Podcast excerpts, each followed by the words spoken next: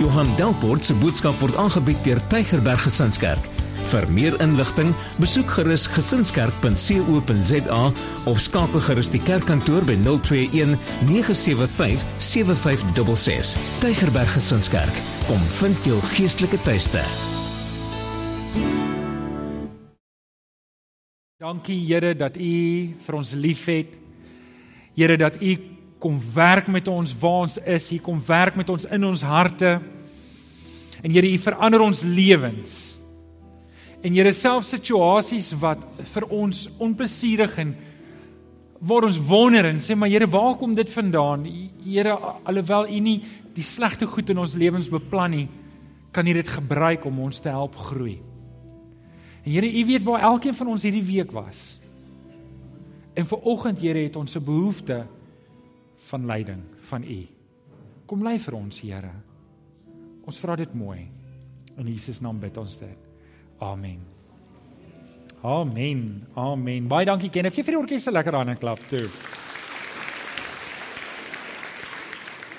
Kom ons staan op. Kom ons staan op en dan sê ons lekker hard saam. Hou jou Bybel lekker hoog in die lug en sê lekker hard saam met my. Dit is my Bybel. Ek is wat dit sê ek is. Ek het wat dit sê ek het. Ek kan doen wat dit sê ek kan doen.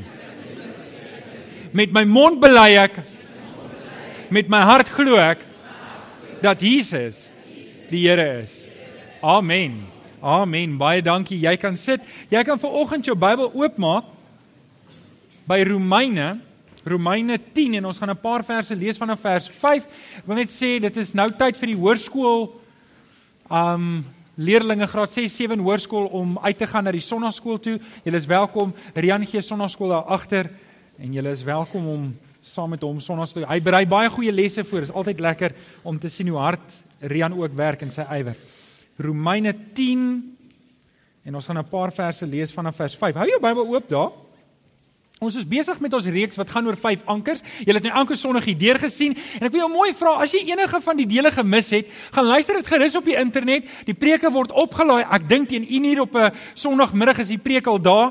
Ehm um, partykeer dink ek is al op voordat ons ons tweede koppie koffie daar agter het en ehm um, en so jy's welkom om met daar te luister. Nou julle weet nou al waar gaan die vyf ankers, julle het die ankertjies gekry.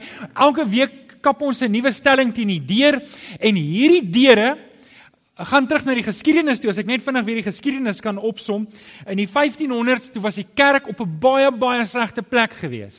Die kerk het baie ver van die woord van die Here afgewyk en baie ver van die Here se woord afgedraai en julle sal onthou dat Petrus was half en half soos die hoof in Jerusalem oor die kerk gewees en die Katolieke kerk het gesê ja maar Petrus het oorgedra wat hy gekry het en daar was soos 'n pauskap, 'n successorship wat beteken het na Petrus was daar 'n volgende ene, na hom was daar nog ene en so die Katolieke Kerk half en half die woord van die Here gehijack, as ek dit so kan sê. Want wat Petrus geskryf het daai tyd was opgeneem in die Bybel soos wat ons dit vandag het en hulle het ook geglo dat alles wat die paus sê word die woord van God. En toe het hulle uitgekom met allerlei vreemde verdigsels soos byvoorbeeld die paus kan jou sonde vergewe, soos byvoorbeeld hulle verkoop vergifnisbriefies en al daai geld wat hulle ingesamel het, het hulle gebruik om katedrale te bou. Julle onthou dit het ons ook vir julle gewys. So wanneer jy in Rome is en jy sien dit En toe op 'n stadium was daar 'n jong man met die naam Martin Luther en hy was op 33 was hy 'n was hy 'n priester gewees, hy was 'n hy was hy was 'n monnik en um, hy was ook 'n professor in teologie en hoe meer hy in die woord van die Here homself verdiep het, hoe ongelukkiger en ontevrede het hy geraak met die toestand van die kerk. En op 'n stadium het hy net gesê genoeg is genoeg. En in 1517 toe stuur hulle 'n afvaardiging na Duitsland waar hy was om van hierdie versoeningsbriewe te verkoop in 'n groot groot fondsinsameling te hou vir 'n kerk wat hulle wou regmaak en bou. En toe besluit Martin Luther net genoeg is genoeg. Hy gaan kapie 95 stellings teen die deur om te sê paus in een van die stellings wat hy gesê die paus was op daai stadium een van die rykste manne in die wêreld. En toe sê hy, as hy so ryk is, hoekom betaal hy nie self vir die goed nie? Hoekom moet hy op die arme mense kom teer om dit reg te kry? En in hierdie 95 stellings was daar was die die die kan ek sê die Engels die flavour onder dit is die vyf solas waarvan ons vandag praat. En uh, dit was nou die solas ons het kyk na die eerste sola en um, ons het kyk na die tweede en die derde en ons kom by die vierde een en net dit, maar voordat ek dit sê wil ek net eers dit sê oor die deur wat ons sien. Die deur wat ons hier het verteenwoordig 'n streep in die sand.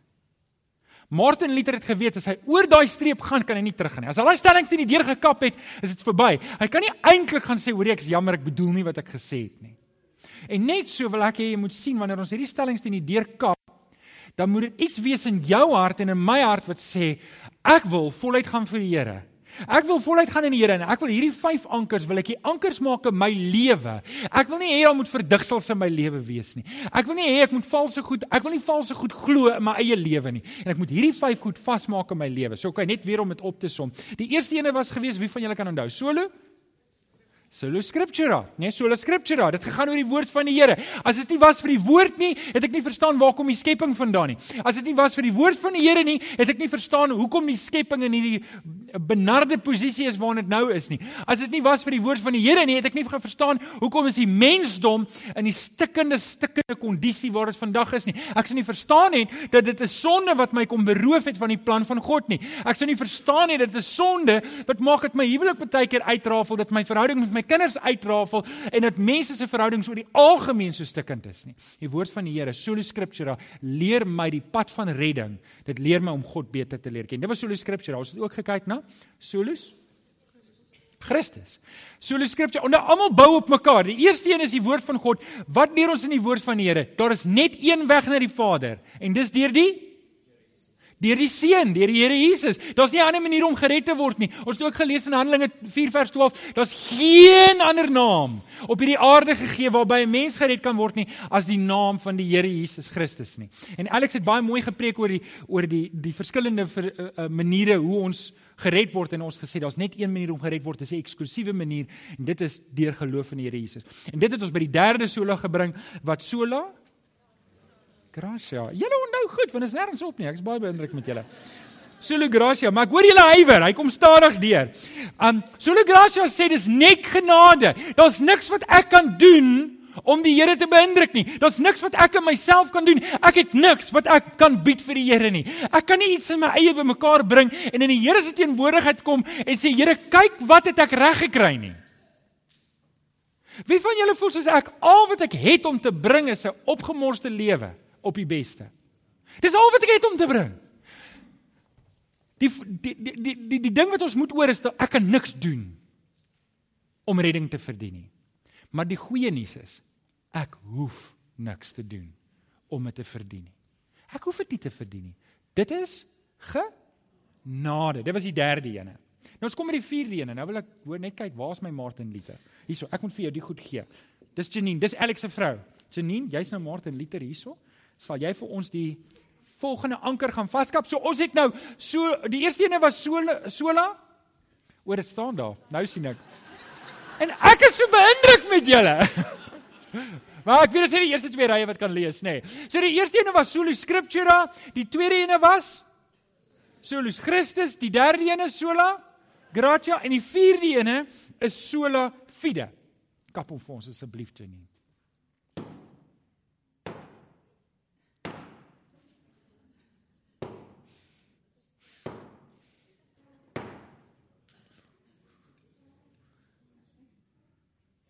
Dankie Janine. Geef haar lekker 'n klap toe.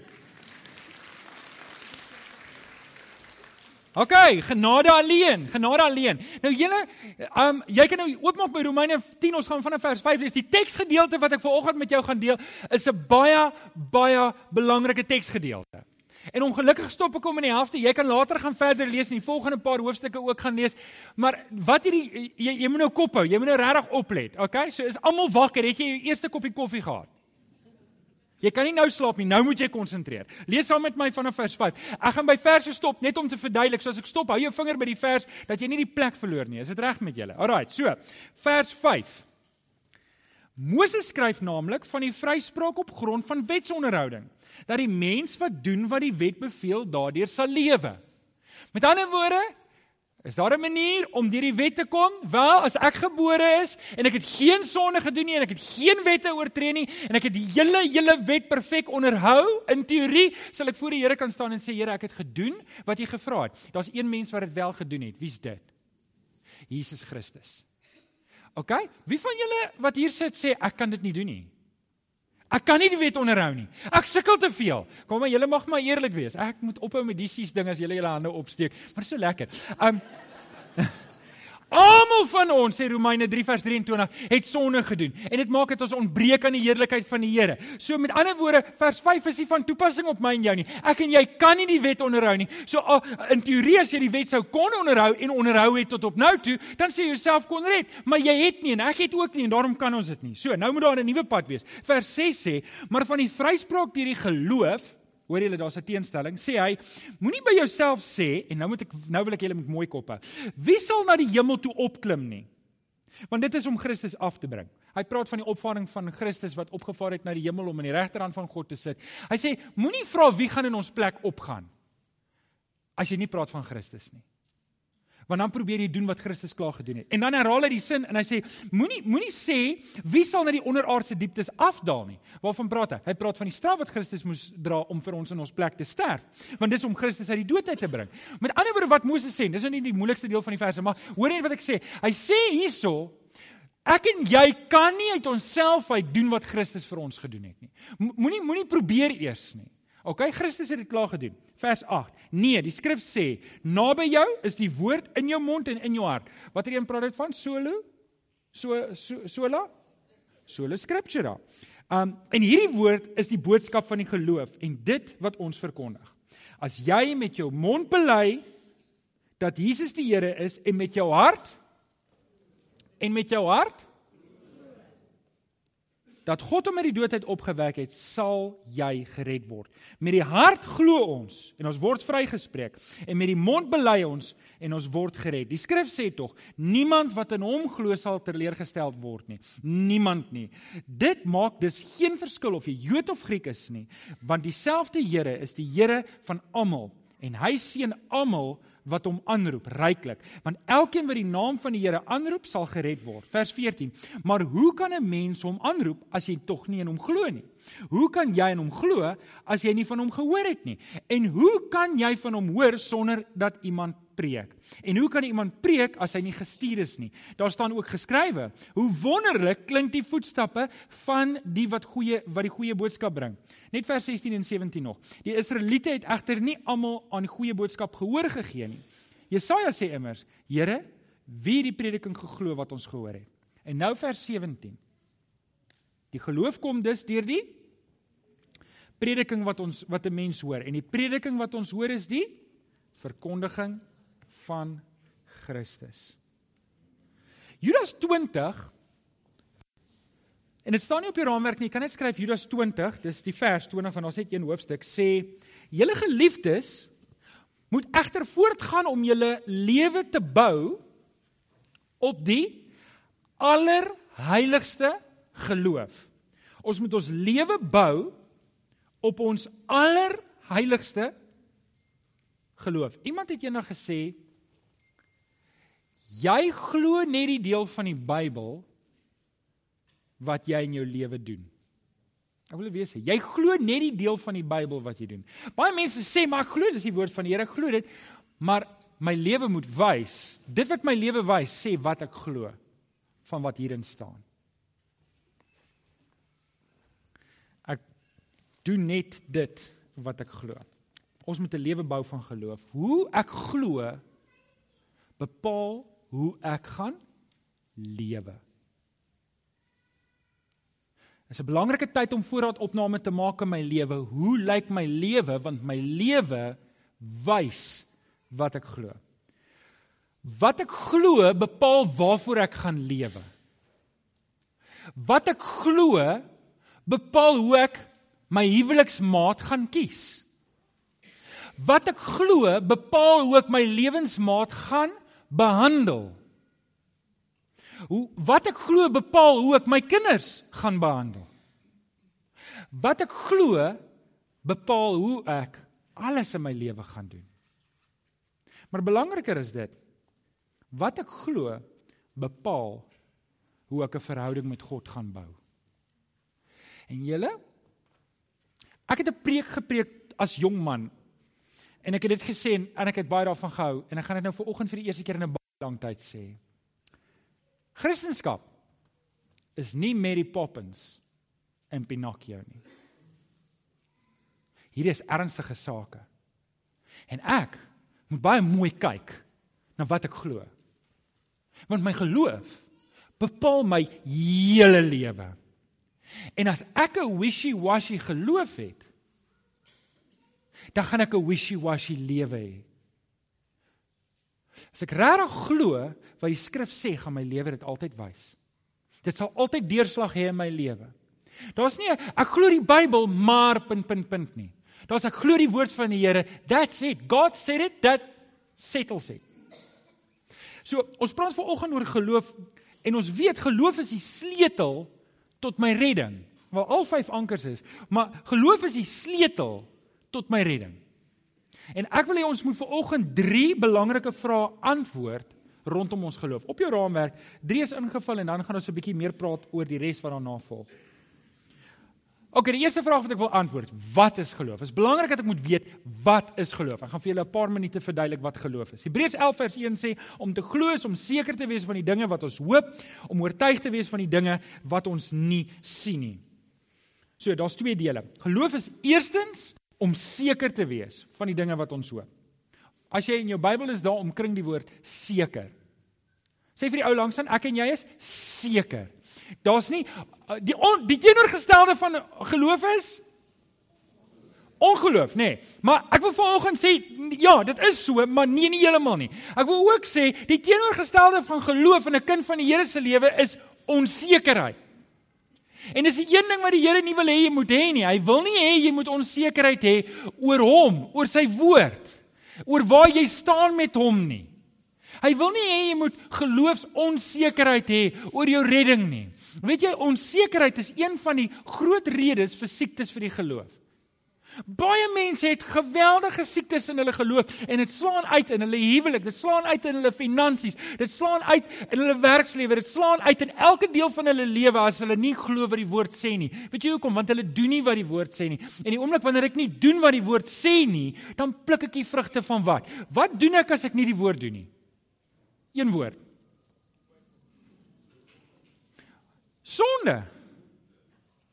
Ja, hoorie, daar's nie 'n middelpad nie. Ek ek hoop nie dis 'n verrassing vir julle nie. Of ek doen God se wil of ek doen dit nie. Die een kant noem ons God se wil, die ander kant noem ons Ag kan julle dit hard sê asseblief? Die een kant noem ons God se wil en die ander kant noem ons sonde. En die loon van sonde is dood. Glo jy dit vanoggend? Ek glo dit. Die loon, die betaal, die betaling wat sonde bring is altyd dood. Dood huwelik, dood in my verhoudings, dood in my finansies, dood en op die einde van die dag die ewige dood. Iemand wat sy hele lewe lank volhard in sonde, hy, hy gaan dood, geestelik dood, hy gaan hel toe. En en dis ek dis nie ek wat dit sê dis die skrif wat dit sê. So die teenoorgestelde van dit is om geloof te hê, om seker te wees. Om seker te wees van wat die woord sê is waar. En julle op 'n manier is dit 'n keuse. Ek maak 'n keuse om te sê ek gaan hierdie glo. Ek en elkeen van ons moet daai keuse maak om te sê ja, Joshua sê dit vir die volk, julle moet self kies wie julle gaan dien, maar ek en my volk wat ons betref, ons sal wie dien? Ons sal die Here dien. Ons gaan gehoorsaam wees aan die woord. So die eerste ding is om om 'n besluit te neem van sekerheid. Dis die eerste deel van geloof. Die tweede deel daarvan, geloof is om oortuig te wees van die dinge wat ons nie sien nie. Julle, ek het nog nooit die Here gesien nie. Ek het al baie vir die Here gevra, ek wil sy stem in my oor hoor. Ek het dit nog nooit gedoen nie. Maar ek ek kan sien wat die Here doen. Ek kan die effek van die woord in my lewe sien. Ek kan kyk na wat my lewe eens was en wat dit nou is en ek kan sien maar die Here werk regtig. Dis soos die wind. Kan jy die wind sien? OK, maar jy kan die effek van die wind sien. Okay, vandag kan julle die wind baie duidelik hoor, nê? Nee. Okay? So ek is seker van die dinge wat ek nie kan sien nie. Ek is seker daarvan. Hoekom? Want ek sien die Here werk om my. En weet jy, hoe verder ek weg van die woord van die Here is, hoe minder sien ek die Here werk. Hoe verder ek weg van die Here lewe, hoe minder sien ek. Hoekom? Want my oë raak blind vir wat die Here doen. Maar hoe nader ek aan die Here leef, hoe makliker sien ek die Here selfs in die kleinste kleinste goedjies. Ek sit daarso by my huis nou die dag en die vinke hou van my boom. Maar hulle mos my swembad vol blare. Die, die doopbad, dis die kerk se doopbad so by the way. En um en dit pla my regtig dat die wyfie die nes nou al 3 keer afgebreek het. En ek tog ek gaan hierdie nou van een man na 'n ander man gaan ek hierdie man nou net help. En ek vat die tak en ek knip die nes af, heeltemal mors af en sê dis nou klaar. Maar daai vink sit daar in die boom en hy raas met my. Ter ter ter ter ter. ter. Ek sê hoor ek doen jou guns man, gaan kry vir jou 'n ander vrou.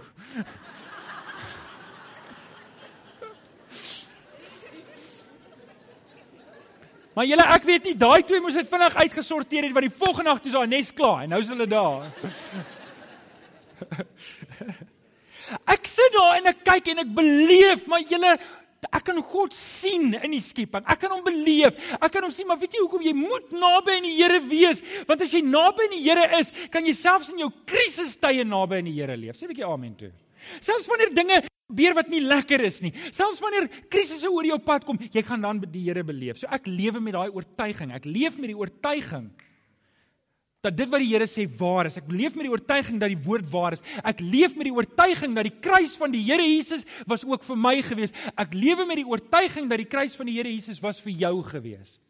En ons as gemeente moet leef met die oortuiging dat die kruis was vir die mense daar buite ook gewees. Ek leef met die oortuiging van die hemel. Julle ons lewe nie net vir die hoorie as ons net gelewe het vir hierdie lewe dan is dit soos Paulus sê dan was ons die beklaanswaardigste van alle mense dat jy 'n lewe hier gaan opoffer vir niks nie. Maar julle omdat ek weet, hoor jy die beloning is die hemel. Ek hardloop nie vir 'n aardse prys nie.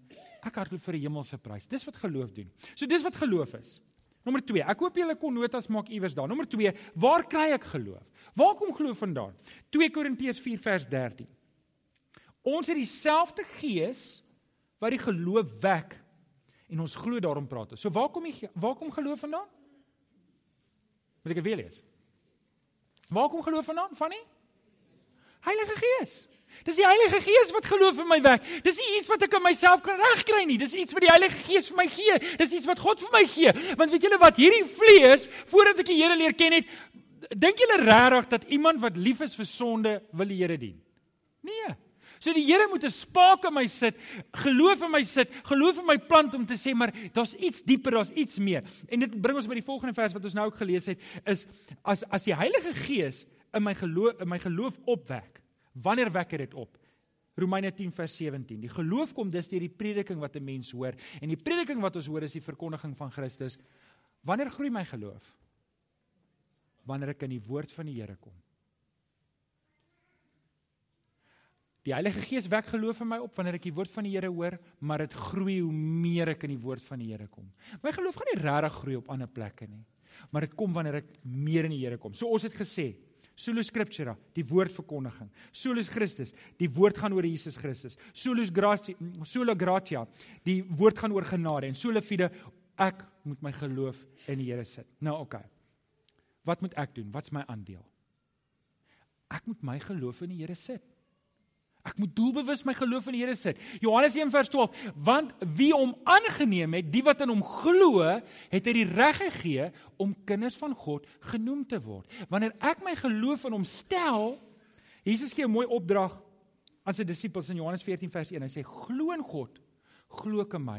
Ek moet my geloof in die Here stel. Ek moet my vertroue in die Here stel. sien daar's 'n daar's 'n God aandeel en daar's 'n my aandeel. Die Here gee vir my geloof, maar ek moet vir hom die geloof teruggee. Hy skenk die geloof in my hart, maar ek moet dit vir hom teruggee. Ek moet my geloof in die Here sit. Ek moet my volle vertroue in die Here sit. Ek moet tog 'n keuse maak. Ek moet 'n besluit neem om te sê Here, ek gaan U vertrou met my hele lewe. Al voel dit nie natuurlik nie, al kom dit nie maklik nie. Hebreërs 11 vers 1 sê as 'n mens nie glo nie, is dit onmoontlik om te doen wat God wil. Iemand wat tot hom nader moet glo dat hy bestaan en dat hy die wat na hom soek beloon. Kan ek gou vir jou dit vra vanoggend? Glo jy in die Here? As jy nou nee wil sê, moet jy dit net vir my na die tyd kom sê. Maar as jy vanoggend in die Here glo, sê asseblief ja. Sê ek glo in die Here. Sê dit 1 2 3. Ek glo in die Here. Nou okay, as jy in die Here glo, dan stel dit jou in staat om na hom te gaan soek. Dit beteken jy soek na sy wil. Jy hunker na die Here. Jy soek meer van die Here in jou lewe. Wie van julle sê amen, ek wil dit doen?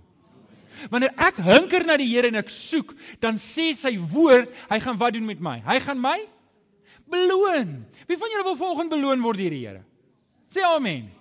As jy ver oggend hunker na die Here, dan gaan hy jou beloon. Dis wat die woord sê. Hy beloon jou. En waarmee beloon hy jou? Met 'n Ferrari. Jy kan hoor hoe maak dit nie sin nie. Come on. Nee, hy beloon jou met die ewige lewe, maar hy beloon jou met geestelike groei. Hy beloon jou met 'n dieper verhouding met hom. En weet jy, hoe nader jy aan die Here groei, hoe minder maak jy ander dinge regtig saak. OK. Ons gaan aan. Wat is die impak van my geloof? Wat is die impak van my geloof? Ek gaan met julle daai vier goedjies vinnig deurhardloop, want dit is eintlik waarby ek vanoggend wil uitkom. Die eerste impak is redding. Ek word gered. Vers 9 sê in Romeine 10 sê as jy met jou mond bely dat Jesus die Here is en met jou hart, wat moet jy doen? Glo dat hy hom uit die dood uit opgewek het, sal jy gered word. Wanneer ek my geloof in die Here stel, wanneer ek dit glo met my hart en ek bely dit met my mond, dan word ek gered. Nou ons het al gepraat van wedergeboorte, ons het al gepraat van bekering, maar wanneer ek hom aanneem as my verlosser en saligmaker Johannes 1:12, dan red hy my. Hy maak my sy kind. As jy vanoggend sê ek glo en ek het 'n oorgawe gemaak aan die Here, dan is jy sy kind. As jy 'n oorgawe gemaak het aan die Here, sê gou vir die ou langs en ek is 'n kind van die Here. Dit maak jou 'n prins, dit maak jou 'n prinses. Dit het iets het gebeur, daar het nie niks gebeur nie. Daar het 'n groot ding in jou lewe gebeur. Dit bring ons by die tweede impak. Die tweede impak is vryspraak. Dit Romeine 4 vers 5, ek het 'n ander vers, is, skryf daar Romeine 4 vers 5 op jou raamwerk, want ek het 'n ander versetjies. Jy moet daai vers wat daar staan ook lees, maar hy kort 'n bietjie verduideliking en ek het nie genoeg tyd vir oggend om alles te verduidelik nie. Romeine 4 vers 5. Die mens wat nie op wetsonderhouding staat maak nie, maar wat glo in hom wat die goddeloses vryspreek. Hy kry die vryspraak deur geloof. Nou, ons het al die storie gehoor van die sonnebok, nê? Nee? Ons as Afrikaners het sonnebok wat gemaak. As jy kinders straf, roep jy die sonnebok nê? Nee? Wie is die een wat die instigator was? Wie was die ene wat die vuurhoutjie aangesteek het? OK? Nou ek weet nie wie van julle was gewoonlik die sonnebok nie.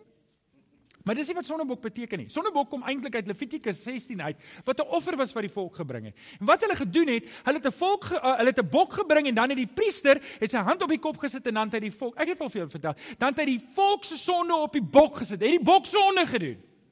Nee, die bok het nie sonde gedoen nie. So eintlik as jy sê wie was die sonnebok, dan sê jy nie wie wie is die skuldige nie. Jy vra eintlik wie is die onskuldige en wat die pak gaan vat vir die res.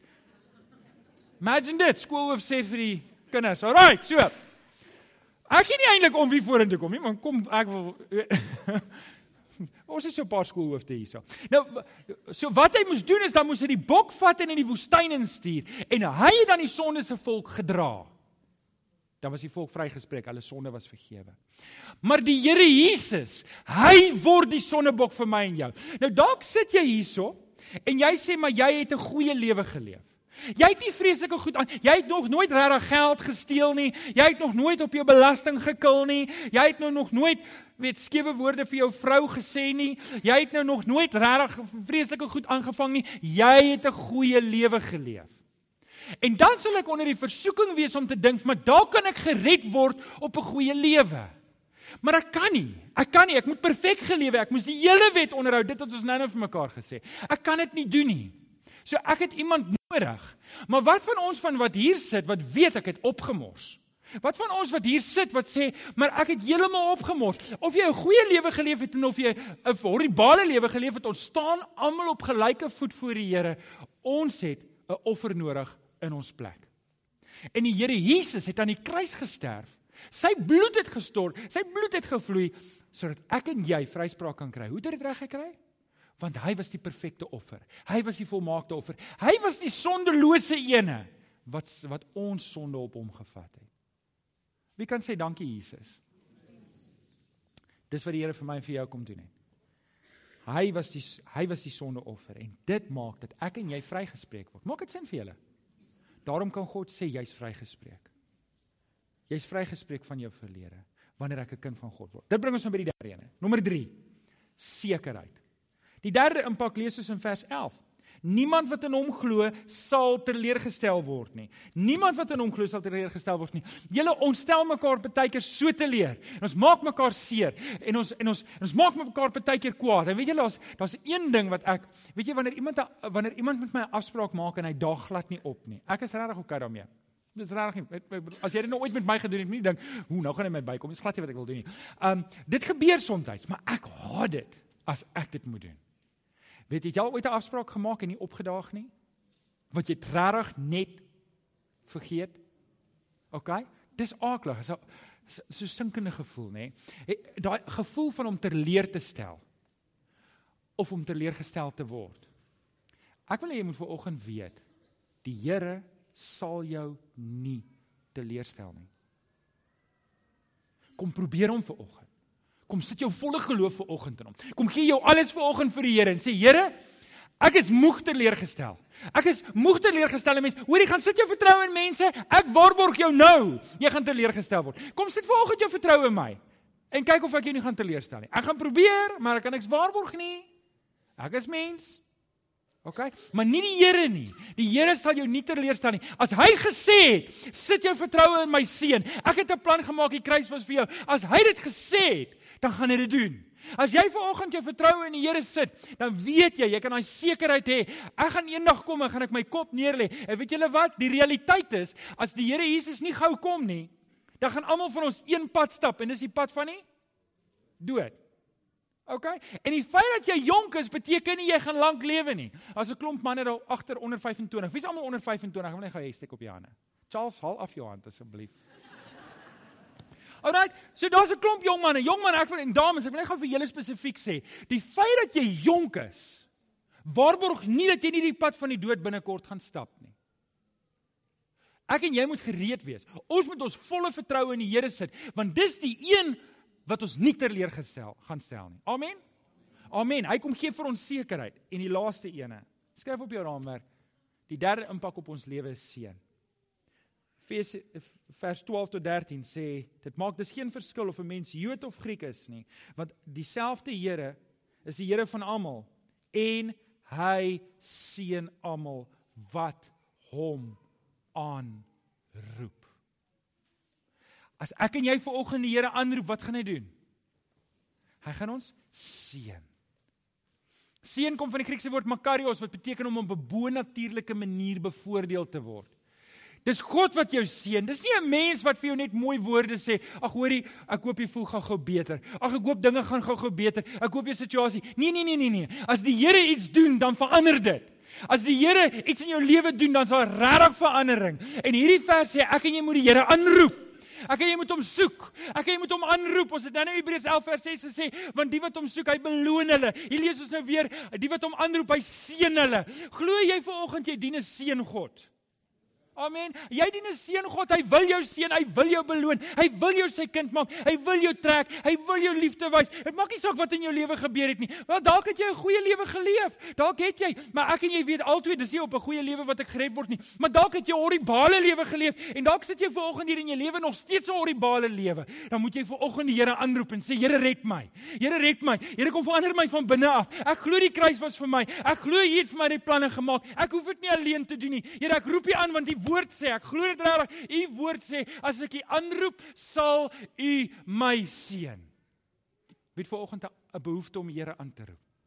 Het jy? Alex, jy kan so lank vorentoe kom. Ons gaan nagmaal bedien. Ons gaan nagmaal bedien en ek wil vra dat die span wat die tafel voorberei so lank vorentoe kom. Maar jy dalk vanoggend 'n behoefte om die Here aan te roep of jy 'n goeie lewe geleef het of 'n slegte lewe, dit maak nie vanoggend saak nie. Weet jy, daar's net eintlik een ding wat saak maak en dis wat die Here Jesus vir ons kom doen het aan die kruis. Ek wil vanoggend vir jou bid en vir jou kans gee om jou hart voor te berei vir die nagmaal. Het jy 'n behoefte om vanoggend die Here aan te roep? Kom ons doen dit in gebed. Kom ons sluit die oë. Vader, ons kom dankie Here dat ons vanoggend saam met Alex nagmaal kan gebruik. Here kom berei ons harte voor. Here, u woord sê as ons u aanroep, dan sien u ons. Here, as ons in geloof u soek, dan beloon u ons. Ek kom vra vir oggend, Here, dat u in ons harte sal werk. U weet waar elkeen van ons staan. Kom raak ons aan. Asseblief, Here. Ons bid dit in Jesus naam. Amen.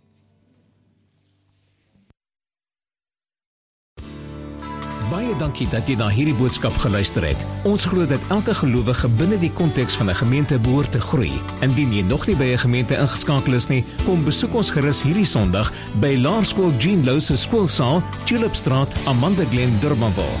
Tygerberg Gesinskerk. Kom vind jou geestelike tuiste.